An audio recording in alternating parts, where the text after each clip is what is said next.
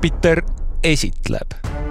planeet Hollywood stardib taas filmiteemaline podcast, mis on mõeldud südamest südamesse filmifännidelt filmifännidele ja tervitame sind, mina olen Andri ja minuga muidugi selline tore härrasmees nagu Richard siin iga nädal, siis oleme oma juttudega platsis tere minu poolt ka ja räägime oma lemmikasjadest, sarjadest ja filmidest ja just sellest, mis Hollywoodis toimub. ja kes meid varem kuulanud ei ole, siis igal kolmapäeval saab meid kuulata nii Jupiteri platvormil või igal pool mujal, kus podcast'id kättesaadavad on. ja sellel äh, saatel siin hakkame rääkima just järgmistest teemadest. Andri, millest me täna räägime? Sellel nädalal võtame siis ette uudised näiteks, millised on siis Disney live action filmid, mis on tulnud enne Väikest merineitsit välja ja mis on väga populaarsed. siis vaatame ka otsa uue Terminaatori filmi tulekule kas see on juba alanud või see varsti algab või mis teema sellega üldse on, siis on ka fantastiline nelik, ei ole see mõni, mõni poistebänd, vaid, vaid ikkagi see tuntud äh, fantaasiafilm äh, Marveli, Marveli universumist ja siis vaatame ka Cannes'i filmifestivali palmiokse võitjat ja räägime sellest natuke lähemalt ja sellel nädalal on meil ka üks film. Ja äh, suur film Väike merineitsi The Little Mermaid on saanud siis live action remake'i räägime, mis me sellest arvasime, veidi äkki mingit uut infot, mida te varem selle filmi kohta ei teadnud ja loomulikult kõige lõpus võtame kokku ka Jupiteri nurgaga, mida head leiab Jupiterist. nii et pea vastu ja ole meiega, räägime sellist äh, oma kastmes äh, filmijuttu ja seda on alati isegi mul väga huvitav kuulda, sellepärast et ega me Richardiga siin otseselt kokku ei lepi, mida me arvame ja, ja uudiseid ka sisuliselt niivõrd ei tea, aga enne üks väike küsimus, sul kodus üldse tele, telekas on või ei ole? Ma loodan, et see oli retooriline küsimus. ei olnud, ei olnud, sellepärast et sa võid praegu mõelda, et okei okay,, et kelle telekat ei ole, siis äh, tänapäeval küll väga palju noori, kellel traditsiooniliselt telekat ei ole või kodus telekat ei vaata. mul on küsimus, äh, inimesed, kellel ei ole kodus telekat, kuhu poole on kogu nende mööbel suunatud? No akna poole ikka, akna poolest saad aknast välja vaadata, nautida mõnusat loodust, aga sa nüüd poliitiku kombel siin vingerdad, et kas sul on telekas või ei ole? loomulikult jah, mul on telekas, mul on nagu võimalikult suur telekas, mis sinna väiksesse korterisse mahub uh,. mitmetoline siis? kuuskümmend viis. kuuskümmend viis ja kas võtsid ka võimalikult kalli teleka või hoidsid natuke kokku teleka pealt, ole aus? ma hoidsin, ma hoidsin võimalikult odava, aga tead, see kuuskümmend viis tolli võib tunduda suur, aga tead, öeldakse, et suurus ei loe suurus ei loe ja tõesti, see oleneb ka kaugusest ka, et internetis on need mõõtmed olemas, et äh, kui suure telekaga peaks olema, kui kaugel diivan, et äh, ma peast ei oska öelda, igaüks võib üle vaadata, aga mul on ka kuuekümne viie tolline ja, ja võtsin küll selle esimest korda elus selle investeeringu, et võtan no kõige ülemiselt riiulilt selle ja, ja lükkan siis äh, need asjad seal põhja ja ausalt öeldes väga suur vahe on sellepärast et mul enne oli kõige odavam telekas, mis põhimõtteliselt äh, poes on ja ma mõtlesin, et kui suur vahe saab olla ühel heal ja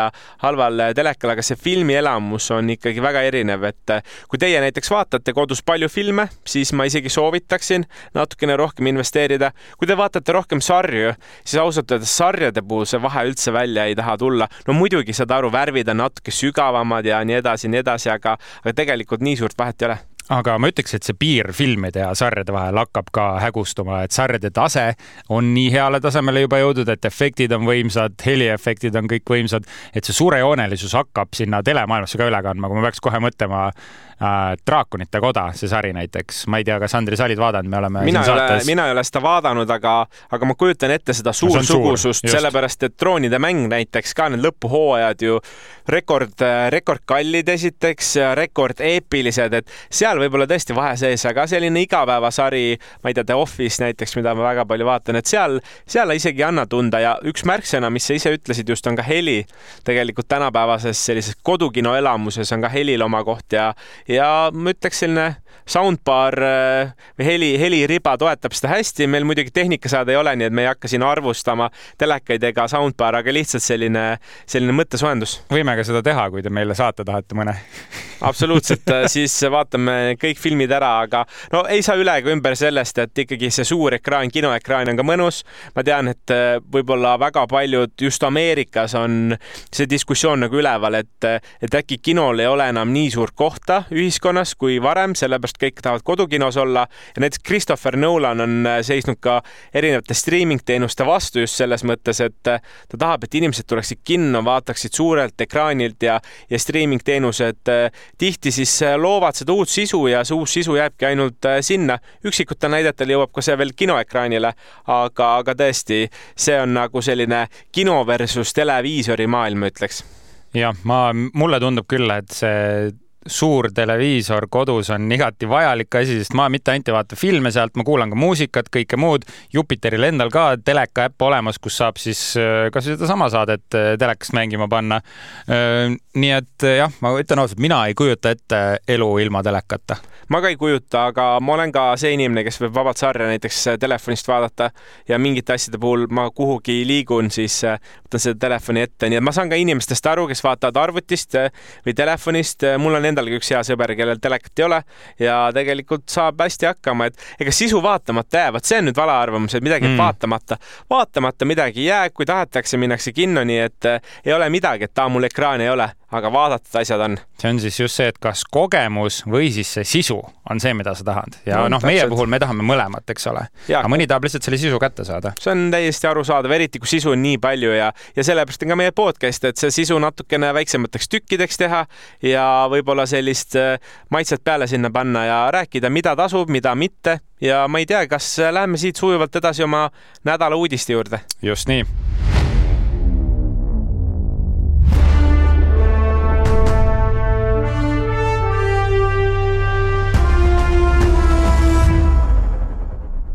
uudised, ma ütleks, on äh, minu lemmikosa siin äh, saates. mulle meeldib nendest rääkida kõige rohkem. mul oled lemmikosa sina, sellepärast wow. et saan koos sinuga rääkida, aga eks äh, prioriteedid olegi inimestel elus väga erinevad. meelitaja, meelitaja, aga kuidas meie uudistesektsioon toimib, siis on nii, et mina võtan kaks uudist, ise valin, Andri neid ette ei tea ja Andri valib kaks uudist, mis tunduvad sellised põnevad ja mis võib-olla kõnetavad just seda meie podcast'i vibe'iga kuulajat. ja mõnikord on ka lihtsalt meelelahutuslikud alati ei ole kõige uudsemad, aga mingid kokkuvõtted näiteks, mida ise teha ei viitsi ja, ja kõik see sinna juurde. ja just, et Eesti meediast võib-olla ei leia alati neid Hollywoodi uudiseid ülesse ka, et me oleme siis teile need sommeljeed siin olemas. ja esimene uudis äh, on mehest, kes on minu jaoks läbi aegade kõige ägedam äh, režissöör ja kes teeb kõige suurejoonelisemaid filme. Poleks tegemist, olnud vaja, poleks tege, olnud vaja. tegemist on James Cameroniga ja uudis on selline, et James Cameron alustas uue Terminaatori filmi kirjutamist okei. Okay.. ja alustas ta siis seda kirjutamist ähm, äh, sellepärast, et tehisintellekt on hakanud nüüd meeletult laineid lööma äh, ja ta praegu kirjutab seda filmi ka väga viisil, ta lihtsalt ei, noh, ei, praegu ei tee nagu jooksvalt seda, et ma nüüd iga päev kirjutan mingisuguseid lehekülgi, vaid tema eesmärk on vaikselt kirjutada ja siis õppida, mis ühiskonnas toimub, vaadata, kuidas see ai ehk tehisintellekt meie elusid mõjutab ja siis kirjutab selle filmi puhtalt selle ümber, et see on selline natuke pikem protsess tema jaoks. kas ma saan õigesti aru, et tal enne ei olnud seda ideed, nii kaua ta nägi, et siin viimase aasta jooksul tehisintellekt on nii palju muutunud, et otsustas seda kirjutama hakata? ma arvan küll, et see on äh, täpselt see põhjus ja kindlasti ka seal, et äh, Terminaatori filmid siis äh, noh, läheme natuke ajas tagasi. esimene Terminaatori film tuli kaheksakümmend neli, mis oli no fantastiline, siiamaani on fantastiline action ulmefilm ja üheksakümmend üks üks tuli Terminaatori teine osa, no mis võib öelda, et on mõlemad sellised action klassika alustalad mm -hmm. või noh, mitte alustalad, ütleme siis ühed parimad näited sellest. järgnevad filmid, kolmas, neljas ja ka viies on äh, kvaliteedis päris korralikult kukkunud ja seda ka põhjusel, et James Cameron ise ei ole olnud nende filmidega seotud ja Terminaatori film Dark Fate, mis on siis kõige hiljutisem Terminaatori film, mille sünge lavastas. sünge saatus kui te oleks praegu näinud seda Andri nägu, kuidas ta seda ütles äh, tark, vabandust, Sünge saatus, mille lavastas siis Tim Miller. Äh, see oli läbi aegade kõige madalama kassatuluga Terminaatori film ja ka fännid ja kriitikud väga ei pooldanud seda filmi. nii et äh, James Cameronil ühte, ühel poolel on siis see tehisintellekti tulek ja see, kuidas see ühiskonda muudab ja noh, nagu me teame, siis Terminaatori filmid juba räägivadki sellest tehisintellektist ja kuidas see maailma üle võtab. ja teistpidi ta tahab ka heastada seda kibedat maitset, mis on jäänud äh, fännidele siis suhu nendest filmidest Ehm, ma ütleks, et see on väga hea märk ja mulle väga meeldib, et James Cameron nüüd ise üritab siin veel midagi korda teha. ma tean, et ähm, paljud ütlevad, et jätke see frantsiis, et see on nii mutta taotud juba, et seal ei ole vaja midagi uut teha, et kogu aeg, kui nad midagi uut teevad, siis keeratakse ainult hullemaks see asi ja huvitav on ka veel see, et Arnold Schwarzenegger ise on öelnud, et tema rohkem üheski Terminaatori filmis kaasa teha ei taha. olgu see selle... jumal tänatud, et äh, tegelikult ei jaksaks ka. mees on küll seitsmekümne viie aastane, aga ma ei tea, ma arvan, et mõned rollid on see, et ei ole mõtet venitada seda kummi no. tuleb anda see asi või lipp edasi ja tegelikult on noori näitlejaid küll, kes selle väga hästi välja mäng-, mängiksid, kui on väga hea lugu ja veel vaatasin ära, et sa rääkisid kassatulust, siis äh, Sünge saatus Terminaatori film äh, läks maksma umbes sada kaheksakümmend viis miljonit ja ta teenis siis ma-, ülemaailmselt kakssada kuuskümmend üks miljonit. kui nüüd tundub, et teenis äkki plussi mm., siis äh, siin ei ole arvutatud neid turunduskulusid ja asju, et äh, lihtne valem tavaliselt, kuidas filmidega on, on see, et on tootmiskulu, siis korda kaks tuleb arvutada, siis saad teada, palju see kogukulu on, noh, eks pluss-miinus on alati, aga, aga võib isegi öelda, et tõenäoliselt natukene miinusesse selle filmiga, sellepärast et kakssada kuuskümmend üks miljonit teenis, aga tõenäoliselt kulud olid seal kolmesaja miljoni juures, nii et äh, arusaadavalt ka, et rahvas seda väga hästi vastu ei võtnud. Ei võtnud jah, ja ma arvan, et siin ongi siis see take away või nüüd sa võid tõlkida, mida see eesti keeles tähendab. väljavõte, kokkuvõte kokkuvõte on see, et üldiselt äh, ma ütleks, et Terminaatori frantsiis ja Arnold Schwarzenegger võiks tõesti lõpu teha, meil ei ole neid juurde vaja, aga kui mängus on James Cameron, siis mitte kunagi ärge panustage James Cameroni vastu. ma muidugi ei kujuta ette, kust ta selle aja leiab, ta teeb neid avatari filme ka nüüd järjest. aga noh, nagu ma alguses mainisin, see on selline rahulik protsess, kus ta kirjutab neid filme. no võib-olla läheb sujuvalt üle, me ei tea, mis seal avatari lõpus saab, võib-olla avatar kuus tuleb kunagi niimoodi, et äh, muud tulevad robotid mängu ja läheb asi hulluks ära, nii et äh, ärme üldse kahtle tema võimet see poleks esimene kord, kui väga suured äh, ulmefrantsiisid äh, teineteisega kattuvad, nii et mine no, sa tea.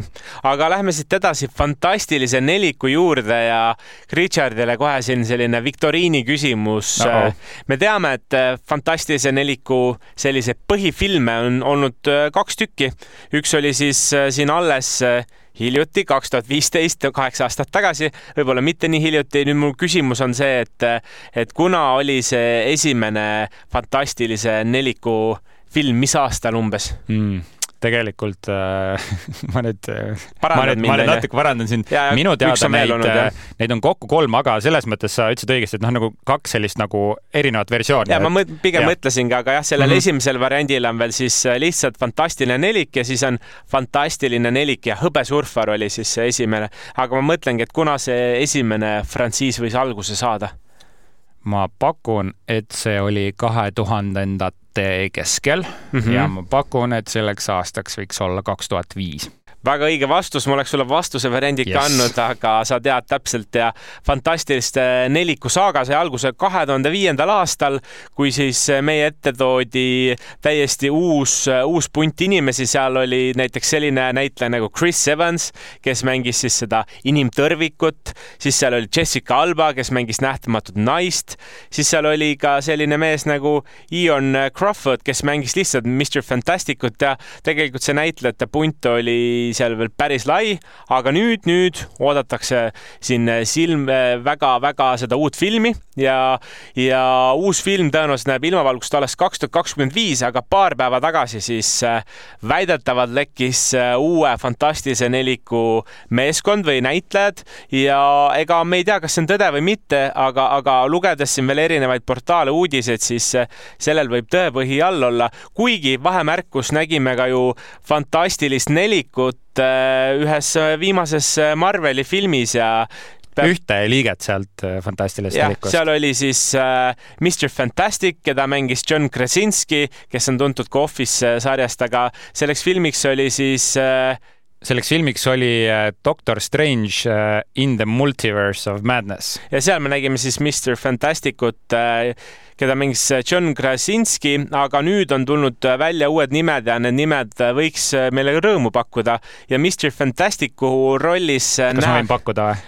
nii? et Mr Fantasticu rolli on no ma tean, et fännid tahtsid teda, aga ma pakun, et see on Adam Driver. ja Adam Driver on tõesti siin nimekirjas olemas, kujutan väga hästi ette, kuidagi see nägu ja tema roll ja karakter võiksid väga hästi sobida, siis Nähtamatu naise rolli on siin öeldud, et on Margot Robbie kes mm. on ka väga-väga selline äh, väga hea näitleja, keda me pole näinud, võib-olla me oleme näinud teda küll siis äh, DC äh, koomiksuniversumis, aga Marveli universumis me teda veel näinud ei ole ja praegu selline näitlejate kuidagi vahetus käib nende universumite vahel ja, ja Margot Robbie tahaksin küll näha äh, uues rollis. ma kardan, et ta, ma millegipärast kardan, et ta on liiga kuulus, et seda rolli mängida, ma kardan, et Marvel võib minna rohkem sihuke tundmatut viisi, aga noh, see on üks nendest lekke võimalikest äh, näitlejatest siis. ja, ja kes siis võiks mängida inimtõrvikut, siis äh, Paul Mescal näiteks on äh, üks välja pakutud väga selge nimi, tema on mänginud väga palju romantilistes filmides siin. After Sunis, mis oli eelmisel aastal väga populaarne, tema on filmides olnud veel The Lost Daughter, Normaalsed inimesed ja ta on võib-olla draamanäitleja rohkem olnud, nii et väga lahe oleks näha teda sellises teistsuguses action võtmes teda tahetakse ka James Bondiks, nii et põnev karjäär ootab teda ees. jah, nii et tundub, et ta on üks selline pärl seal Hollywoodi maailmas ja siis äh, mees, kes peaks mängima, selle tegelase nimi on The Thing, ta on mm -hmm. selline suur äh, kivirahn, kivirahn jah, ja tema, tema näitlejaks siis pakutakse David Deaks'i. mina ei olnud äh, tema nime varem ausalt öeldes kuulnudki, aga tema on mänginud sellistes filmides nagu Hamilton, sarja Snowpiercer tema on ka olnud filmis Väike ime ja Blindspotting, nii et ta on teinud selliseid B-klassi filmirolle ja eks sealt need A-tähed või A-staarid sünnivadki tegelikult. Ja, ja ma, tema nimi tundub mulle kõige tõenäolisem just, et äh, see oleks väga võimas, muidugi kogu see näitajate punt kokku tuleks ja kui me saame kinnitusi, et need lekked ka tõesed on, muidugi Adam Driver ümber on väga pikalt räägitud juba, ma arvan, et tema võib reaalselt olla see, kes saab sinna. ja, ja kus see leke tegelikult tuli ka, on siis äh, üks Marveli sellise sisevaateid andvaid lehekülge, kes on juba ka varem tegelikult mm -hmm. pannud neid asju täppi. My time to shine, hello on selle nimi, tundub väga veider ja väga kahtlane, aga, aga sealt on tulnud päris palju selliseid tõeseid, tõeseid äh, raporte ja, ja need nimed on lekkinud ja üldse see fantastilise neliku ümber praegu päris palju möllu on, sellepärast et kaks korda on tehtud, natukene asjad puusse läinud, et tahetakse ju neid tuua uuesti siis äh, meie maailma. ootad sa väga neid või? Ja ma isegi ootan, sellepärast et kui ma mõtlen kaks tuhat viis, see oligi selline aeg, kus ma avastasin superkangelasi mm -hmm. ja, ja see fantastiline nelik kuidagi oli, oli südamelähedane, ta oli, ma ütlen, enne seda suurt kuldaega, mis siin viimasel ajal olnud on, nii et äh, lahe oleks näha. Just ka neid samu näitlejaid ootame huviga. Lähme fantastilisest nelikust edasi nüüd äh, mingi teema peale, mida me üldiselt väga tihti ei puuduta ja see on väärtfilmide maailm ja Cannes'i filmifestival siis äh, tõmbas oma otsad kokku äh, laupäeval ja selgusid siis selle aasta festivali võitjad ja peaauhinna ehk siis selle kuldse palmioksa Palme d'Ori pälvis Prantsuse lavastaja Justine Triet filmiga Anatomy of a Fall, eesti keeles Kukkumise anatoomia. ja selle võidufilmi keskmes on äh, Sandra ja Samuel ja nende nägemus puudega poeg Daniel, kes on viimase aasta elanud kauges mägipiirkonnas. ühel hetkel see Samuel leitakse majas surnuna ja alustatakse seda surma uurimist. Äh, keset kogu seda ebakindlust esitatakse Sandrale süüdistust, et välja uurida, kas tegemist oli enesetapu või mõrvaga. ja siis käibki selline nagu väga mitme külje pealt selle filmi ähm, selle juhtumi siis lähenemine. no nagu me ikka Cannes'i filmifestivalilt eeldada võime, siis tegemist on sellise rahuliku äh, kunstilise draamaga, kuigi noh, siin on seda krimi poolt ka, eks ole mm, -hmm. juurde toodud um, aga kes siis äh, kuulusid sinna Cannes'i filmifestivali žüriisse? Äh, päris palju nimesid, keda ka sina ja mina tunneme ära, aga on ka üsna mitu niisugust, keda me ei ole kuulnud, aga selline lavastaja nagu Ruben Östlund siis Julia Ducournau, Brie Larson mm -hmm. ehk mhm. siis Captain Marvel ise, Rungano Nioni, Mariami Tuzani, Paul Dano, keda me oleme paljudes Hollywoodi filmides näinud, Denis Menochet, Atik Rahimi ja Damian Sifran.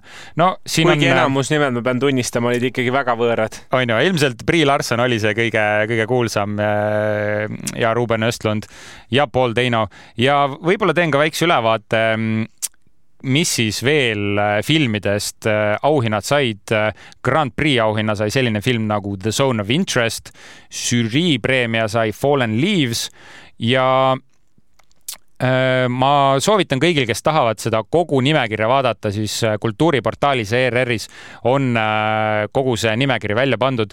Ja miks ma sellest uudist nagu rääkida tahtsin ka, et üldiselt Cannes'i filmid jõuavad ka Jupiteri ja ERR-i kavadesse ühel hetkel, et hoidke kindlasti silmad lahti ja keda see vähegi huvitab, siis hoidke meie tegemistel silma peal aga siit liigume edasi Disneysse ja kuna meil seekord on äh, vaatluse all siis äh, nädala nael, mil, milleks on väike merineitsi, siis äh, väga mõistlik oleks vaadata ka Disney maailma sisse ja mis seal varem toimunud on.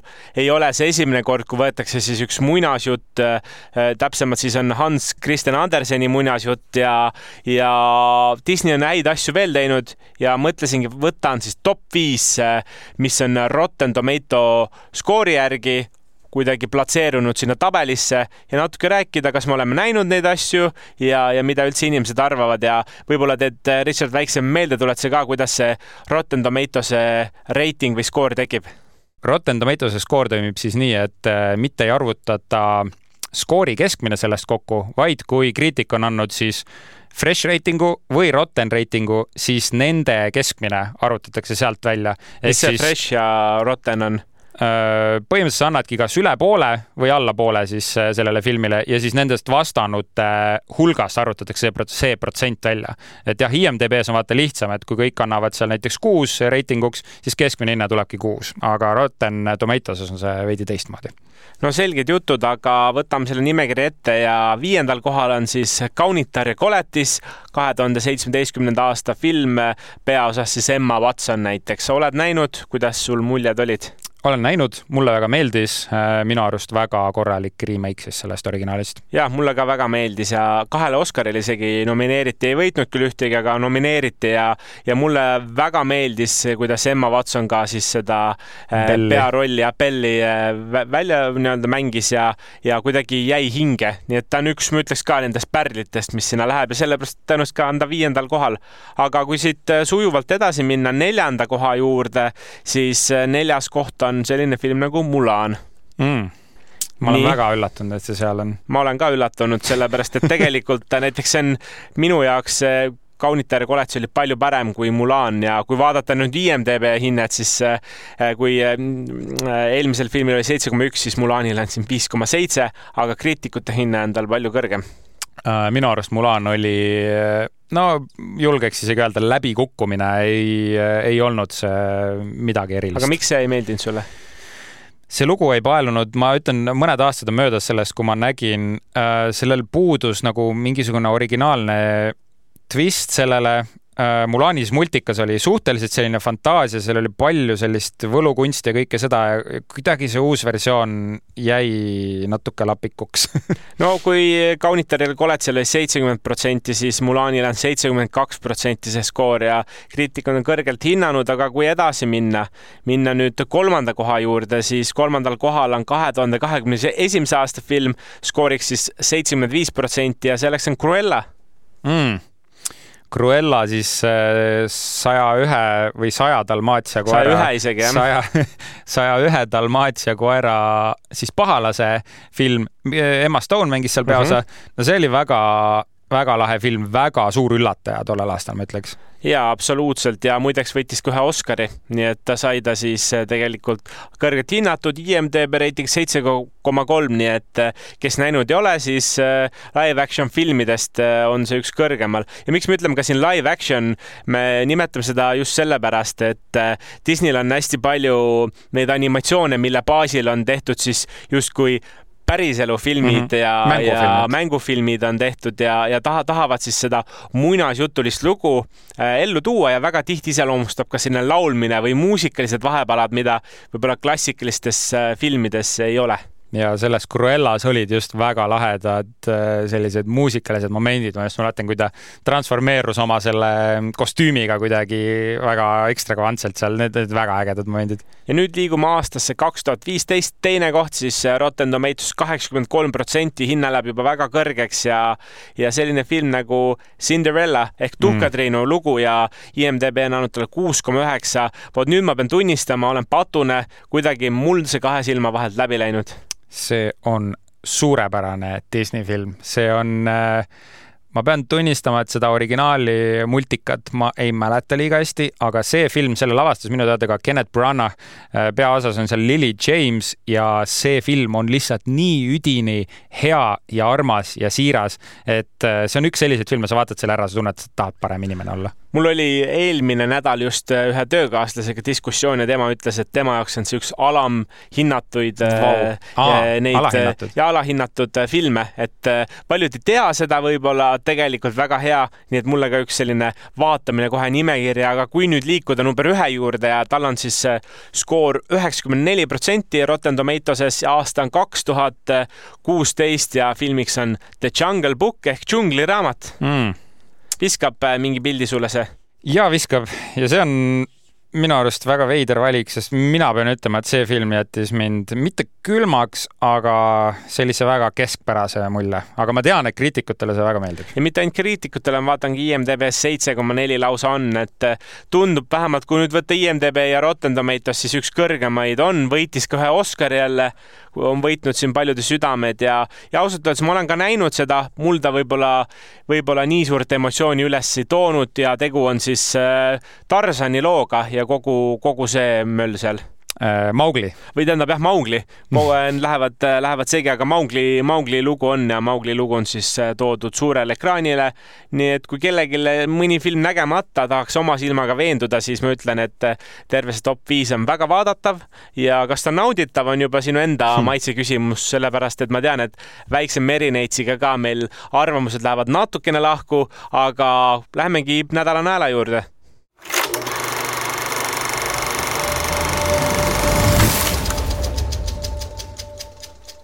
nädala nael, nagu sa mainisid, on siis väike Merinate'i The Little Mermaid on saanud uus versiooni.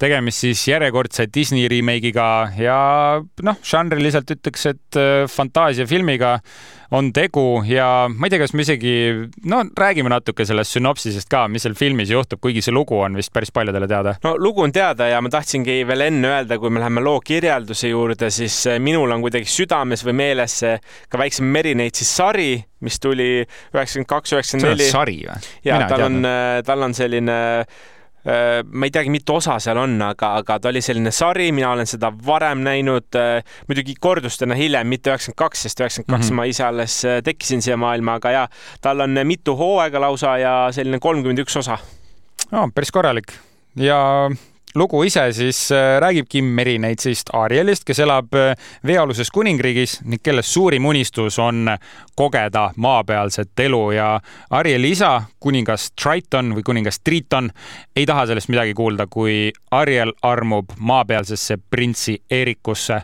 ja selleks, et Ariel saaks siis kuidagi selle maapealse eluga tutvust teha, pöördub ta siis kurja Ursula poole, kes on äh, alati tahtnud siis kogu selle veealuse maailma üle kontrolli saada ja tema annab siis Arielile võlujoogi, mille abil saab ta kolmeks päevaks endale inimese jalad ja tingimused on sellised, et äh, selle kolme päeva jooksul peab ta saama printsilt tõelise armastuse suudluse, muidu saab see kuri Ursula Arieli äh, põhimõtteliselt kogu tema hääle päriseks endale ja minu teada ka kuningriigi valdused kuidagi enda alla täpselt. Ja, selline ja, plott siis sellel filmil on. selline väike lisadetail, et tal, kui ta maa peale läheb, siis tal endal häält ka ei ole, nii et hääl oli, hääl oli vangis ja vaatasin ka alles värskelt, eile käisin äh, muideks vaatamas ja, ja noh, sisu osas ma pean juba kohe ütlema ära, et mingit üllatusi ei olnud. see oli täpselt nii, nagu ma olin äh, neid multikaid varem näinud, need tegelased olid kõik tuttavad, aga mis võib-olla paljudele üllatuseks tuleb, et äh, kui me teame ja see on lihtsalt olnud poleemika enne filmi oli see, et äh, ei, ei palgatud siis klassikalist äh, äh, nii-öelda, kui Merineits oli valgenahaline näitleja, siis palgati lihtsalt natukene tõmmum näitleja sinna ja see oli väga suur diskussioon mm -hmm. enne, et pannakse traditsioonilistesse rollidesse kuidagi teise, kas siis rassilise või, või muu taustaga inimesi ja ma pean juba ütlema, et minu meelest ta sobis sinna suurepäraselt, et kuidagi, ma ei tea, kuidagi vaata seal, et, et aa ei, see näitleja ei sobi sinna. minu meelest, kui on hästi näideldud, lugu sobib talle, siis miks mitte, nii et Muidugi. ei pea Merineitsi olema täiesti näiteks valge nahavärviga või mõni teine tegelane, mis on juba ära defineeritud, et ma arvan, et võib-olla Hollywoodis ongi see, et saab katsetada, saab proovida, sest häid näitlejaid on palju ja minu meelest see näitleja peabki rolli sobima väga hästi öeldud ja näitleja, keda siis mainisid, ongi Halle Bailey. Äh, filmis astusid üles veel Jonah Howard King, kes on mänginud äh, sellistes filmides nagu Little Women, A Dog's Way Home. Äh, Ursulat mängis siis Melissa McCarthy, kes on siis Bridesmaidist ja filmist Spy kuulsaks saanud ja Tritonit mängis Javier Bardem, kes on siin ilmselt kõige sellisem tuntum näitleja, tema on siis mänginud filmides nagu Dune ja No Country for Old Men ja kogu seda näitlejate punti juhtis siis režissöör Rob Marshall, kellele ei ole muusikalid üldse uus teema, ta on teinud selliseid filme nagu Mary Poppins Returns, Chicago ja Into the Woods ja ma pean tunnistama, et see Javier või Javier Bardem, Javier Bardem oli siis väga Nicolas Cage'i näoga, kui ta sealt veest välja tuli. no,. ma kogu aeg vaatasin, et mine pekki, et miks nad, kas nad nagu vennad olid, et äh, mul elukaaslane ka ütles, et no jube sarnased, see oli, see oli üks selline naljakas asi, mida ma vaadates, äh, kui keegi nüüd treilerit või läheb filmi vaada, vaatama, siis äh, vaadake, kas seal on Nicolas Cage tegelikult varjatud või mitte. Kusjuures ma ei ole seda kuulnud, see on päris, päris pull tõesti, aga üldiselt, kuidas sulle muidu see Javier Bardemi tegelas, võimegi siin natuke, noh, sa rääkisid Arielist ja kuidas sulle Halle Bailey roll meeldis, kuidas sul teised Aga. nagu äh, rollisooritused meeldisid? Tead, ma peangi tunnistama, et see pea, peaga tege-, peategelase roll oligi kõige parem minu mm -hmm. jaoks. lihtsalt ta, ta mängis väga loomulikult, tal tulid asjad hästi välja. laulis hästi, eks ole? laulis väga hästi jah, et ma saingi aru, et üks tingimus oli väga hea lauluhääl ja see teine peategelane meessoost, kes mängis siis Eerikut, tema on Jonah Hoare King. Polnud ausalt öeldes tast midagi varem kuulnud mm, -hmm. aga samamoodi, et ta, ta kuidagi, kuigi ta on peategelane, siis ta ei võtnud heas mõttes seda peategelast tegelase rolli endale, vaid ta lasi siis äh, Arielil äh, särada täiesti, et ta küll laulis, ta oli olemas, aga minu meelest kuidagi see kogu valgus ja fookus ikkagi jäi siis äh, naispeategelase peale ja kuidagi, kuidagi toetas, ta oli küll nagu prints valgel hobusel, nii mm -hmm. nagu need mm. Disney mm -hmm. filmid on. Disney filmides on alati printsess, on prints olemas ja ta oligi, ta oli selline mõnus, mõnus prints minu meelest ma arvan, et äh, see Eeriku tegelaskuju oli minu jaoks üks suurimaid murekohti ja oli, mi minule ja minule tema roll, noh, ma, ma ei saa öelda, et mulle midagi ei meeldinud, sest ta tegi täpselt selle ära, mis vaja oli, aga absoluutselt ei olnud põnev tema see aga äkki see oligi eesmärk, mulle, mulle ei, miks Natuke ma ütlen, oli miks, see tema roll. miks ma ütlen, et mul on, miks ta mulle meeldis, oligi see, et ta astus nagu sammu tagasi. Mm.. nagu sa ütled, igav onju, aga kui tema oleks seal väga võimutsenud, võib-olla siis ei oleks sellele Arielile põhivalgus kuidagi langenud, ta oleks sellest temast üle sõitnud ma ei tea, mul kuidagi jäi mulje, aga ma ütlengi, et siin ongi selline tunnetuslik ja vaatamiste selline erinevus, ootused ka muidugi. absoluutselt, ei, ma sellega olen nõus, et Ariel peabki siin saama selle põhi, põhifookuse. tal oli kuidagi igas stseenis, kus ta oli, tal oli see tüüpiline selline murest murtud mõtlik nägu ja see oli põhimõtteliselt sama grimass, mida ta tegi siis kogu selle filmi vältel. et seal nagu mitte midagi teistsugust väga ei tulnud um, jah, Halle Bailey'ga, lihtsalt ma, nii raske on öelda mitte Halle Berry, aga Halle Bailey tegi minu arust äh, väga korralikku rolli, ma ei ütleks, et mingit vau-efekti minu jaoks oli, tõesti laulis hästi ja mm, kui nüüd ainult rääkidagi tema välimusest, siis äh, noh, mina ei saa nendest kriitikud, kriitik, sellest kriitikast üldse aru, miks keegi peaks kuidagi midagi koledasti ütlema, sest no, ma saan, väga hästi sobis. ma saan aru, lihtsalt äh, see teema on üleüldse, et äh, ja, millistesse ja. rollidesse panna missuguseid inimesi, et eriti Hollywood, kus seda multikultuursust on nii palju, siis paratamatult tekib küsimusi mõnikord, et missugune näitleja peaks mõnda mõnda rolli mängima, näiteks James Bondi ümber on ka, et kas mm, järgmine jah. James Bond peaks olema mustanahaline või mitte. jällegi on see, et ma ütlen, et minu isiklikult on see, et kui on hea näitleja, siis ei Just. ole vahet, aga on inimesi, kes konkreetselt ütlevad, et ei tohi olla, alati on olnud James Bond mhm. selline mm, -hmm. et, et või kas James Bond on naine või mees ka, ega siin ei ole ainult nagu äh, rassiline, vaid siin on ka sooline see teema, et, et need arutelud, ma arvan, et siin lähitulevikus veel tulevad, aga see kuidagi ei varjutanud seda filmi ja ta oli, ta oli selline kuidagi raamatu heas või nagu, kuidas see väljend inglise keeles on, by the book, et mm -hmm. kõik oli nagu yeah. korrektne, et see visuaal oli väga selline muinasjutulik, need lood olid väga muinasjutulikud ja ma natuke ainult ei saanud sellest aru, kellele see mõeldud oli, sest kui väiksed lapsed tulevad, siis nad ei saa aru inglise keelest nad ei jõua võib-olla nii kiiresti lugeda, mingid mm, viie mm, -hmm. viieaastased ja kui nüüd tulevad kahekümneaastased, kas see on täpselt nagu neile, et ma, minu jaoks võib-olla selle filmi suur miinus oli, et kellele see siis mõeldud oli, et mina tundsin ennast ära, sellepärast et ma olin seda lugu väiksena näinud ja mul lõi silma särama, aga, aga kellele siis, kas meile oligi see mõeldud, need, kes on juba varem näinud või?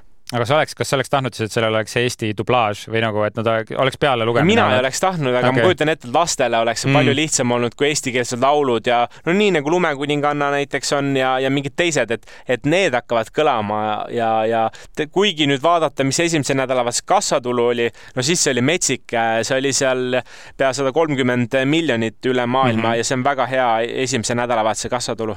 ja, ja ma arvan, et et see film ongi, jah, mina näiteks, mul oli hea meel, et seda eestikeelset pealelugemist ei olnud, mulle meeldib alati kõike äh, originaalkeeles vaadata, aga noh, seda ma ütlengi puhtalt nagu enda, äh, enda nagu vaatenurgast. sa mainisid korraga visuaali äh, minu arust see, noh, see on Disney filmide puhul alati korralik, on ju, noh, neil on väga suur eelarve seal all. ma olin alguses natukene pahviks löödud, et, või mitte pahviks löödud, vaid tunt, tundus natuke sihuke konarlik see kostüümilahendus, mis nendel veealulist, veealustel no merinäitsidel ja siis merimeestel meremeestel no,, ei, kuidas on..., kuidas sa nimetad, ühesõnaga nendel kõikidel veealustel elanikel, et niisugune hästi-hästi nagu sa tundsid, et kuidagi teatris on nagu mingi kostüüm selga pandud. et kohati olid natuke siuksed liiga lastekad. ta vajas harjumist, ma pean ja. tunnistama, algus oli ka nagu veider, aga tead, poole pealt harjusid ära, siis ei olnud isegi vahet.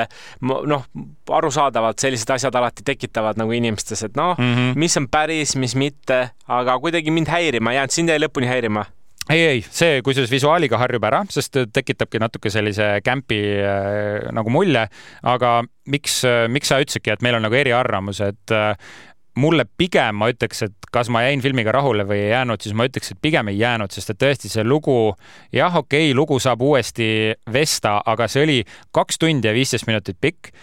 Originaal oli kuskil tund, no mitte rohkem kui kolmkümmend, minu arust oli kakskümmend midagi et okei okay,, siis mul tekkis niisugune tunne, et nüüd nad, ma saan mingit uut lugu, ma saan mingisuguse teistsuguse lähenemise sellele. tegelikult suurt midagi ei saanud, lisalugusid oli, aga jäi nagu venima ja ei tulnud äh, minu jaoks näiteks, noh, sa mainisid siin nende Rotten Tomatoes äh, parimad filmiversioonid, mulle Aladdin väga meeldis mm, -hmm. minu arust see oli super hästi tehtud äh,, väga kaasakiskub, väga ägeda siukse visuaali ja näitlejate töö ja selle lahendusega. siin nagu ei olnud mitte midagi erilist minu jaoks kõik olen, oli niisugune keskpärane. ja ma olen täi-, selle kriitikaga isegi nõus ja, ja ma arvan, et miks mulle ta film meeldis ja film meeldiski võib-olla sellepärast, et lihtsalt nagu meelde tuletada, nagu vanad head no. ajad on ju.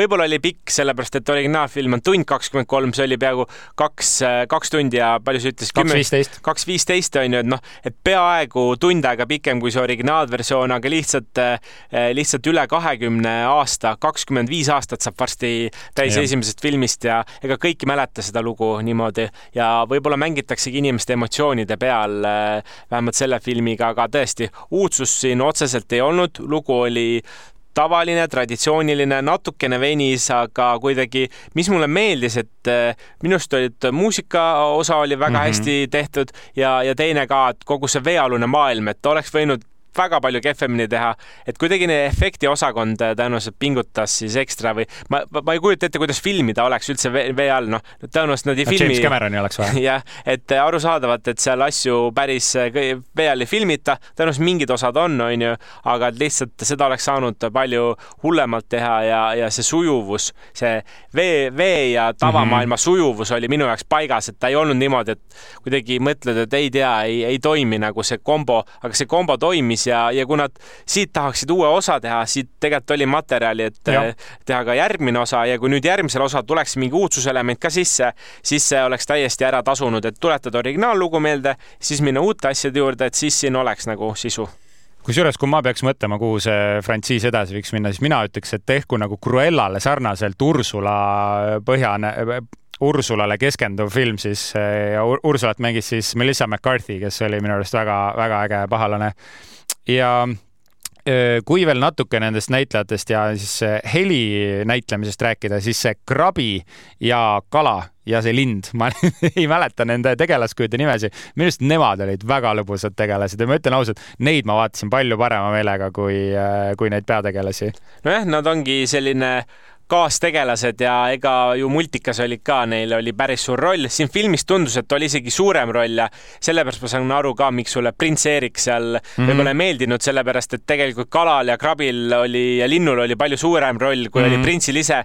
aga sellepärast mulle tundubki, et see prints ei olnud äh, justkui fookuses, ta oli, ta oli tegelane, keda kasutati ära äh, loo jutustamise eesmärkidel ja, ja noh ma ütlengi siin, siin peab igaüks ise vaatama minema, kas me anname mingisuguse hinnangu ka sellele? ja kui sa, Andri, peaksid nüüd äh, skoorima seda filmi kolmes kategoorias, et kas see on film, mida peab ilmtingimata kinno vaatama minema, see on vägev kinokogemus või keskmine selline, et ei, seda ei pea vaatama minema, kui on vaba aeg, mine vaatama ja kolmas siis äh, ärge seda filmi vaatama minge, see on aja raiskamine ma arvan, et keskmine kategooria, et siin oleneb kõik eesmärgist, mida sa ootad või mida sa tahad, see, sa ei pea minema, kui sa seda ei lähe, su elus ei juhtu midagi. see ei ole ka kindlasti see, et oo oh, ei, kindlasti väga kehva, ma arvan, et ta on hea meelelahutus.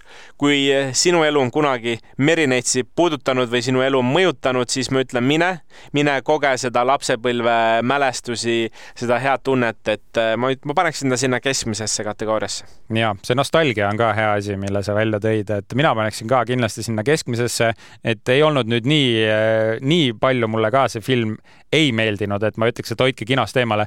aga see küll juhtus, et ma jäin filmi lõpus magama vahepeal. päriselt või? no siis sulle, kuidas sa saad seal öelda keskmine kategooria? ma jäin sellepärast magama, et ma olin väga väsinud ja ma üritasin, ma tegelikult tahtsin näha, ma jäin kusjuures ka kõige põnevama koha peal magama, millest oli hirmus kahju, aga oli lihtsalt pikk nädalavahetus.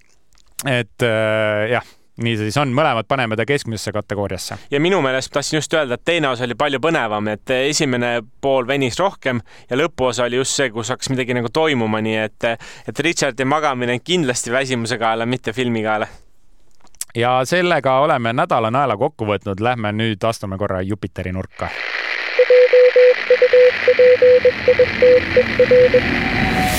ja Jupiteri äh, soovitusena tahaks äh, seekord välja tuua sellise ütleks ka alahinnatud draama ja selleks on Tume vesi, inglise keeles Dark Waters. see on Ameerika film, tuli kaks tuhat üheksateist aastal välja ja peaosas Mark Ruffalo, temaga ka koos mängib äh, Anne Hathaway ja film on lavastatud Todd Haines'i poolt ja see räägib sellest, kuidas äh, Ameerikas siis äh, advokaat, keda mängibki Mark Ruffalo, nimeks on tal Rob Billot, Äh, hakkab uurima siis äh, teflonpannide ja sellega seonduva tööstuse äh, ja looduse reostamist ja kuidas Ameerika farmerid on põhimõtteliselt jäetud lihtsalt igasuguse hooleta, kus see suur firma äh, no põhimõtteliselt kõike oma seda mürgist äh, jäädet on äh, siis äh, inimeste ja loomafarmide vahele nagu ladustanud.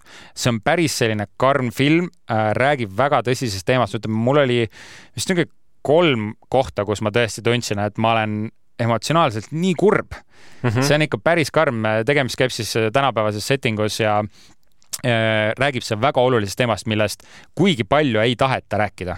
ja ma vaatasin IMDB-st üle seitse koma kuus hinne kaks tuhat üheksateist aasta film, nagu sa ütlesid, kaks tundi, kuus minutit pikk ja, ja tõesti, mina ei ole seda muideks näinud, aga praegu, praegu tekkis isu küll, ma vaatasin alles paar päeva tagasi ära The Big Short, mis on mm., mis räägib ka ühiskondlikust teemast, mis räägib täpsemalt finantskriisist, mis kaks tuhat kaheksa juhtus, nii et mul on tunne, et sellised ühiskond, ühiskonnakriitilised ja mingid teemad avavad on päris edukad olnud ja, ja tundub, et see ka, et, et keskenduvad väga sellisele draamaelemendile, hea headele dialoogidele ja väga selline põhjapanev püant, mida ei ootagi alati. Jah, seda põhjapanevat äh, nagu sõnumit on siin filmis kindlasti just selline suurkorporatsioonide äh, vastu suunatud ja noh, väga selline keskkonnateadlik film ka, et see sõnum on ikkagi hoiame loodust, hoiame planeeti ja hoiame iseennast ja sellega äh, võtame Jupiteri nurga kokku, vaatan, Andril on äh, nägu naerul, äh, sest et järgmine nädal me saame rääkida ühest väga ägedast filmist, mida ma tean, et sina, mina oleme kaua oodanud. ja selleks filmiks on Ämblikmees üle kogu multiversumi ja ta on järg siis animeeritud Ämblikmehele, mis oli kaks tuhat kaheksateist aasta ja võitis ka ühe Oscari parima äh, animafilmi Oscar, jah. ja, ja eesti keeles siis oli Uus universum selle nimi ja tutvustas sellist tegelast meile nagu Miles Morales, millest on ka Playstationil on muideks olemas selline videomäng, mis mm -hmm. on ka väga populaarne ja, ja ma olin skeptiline, ma ei vaadanud seda ei esimesel aastal,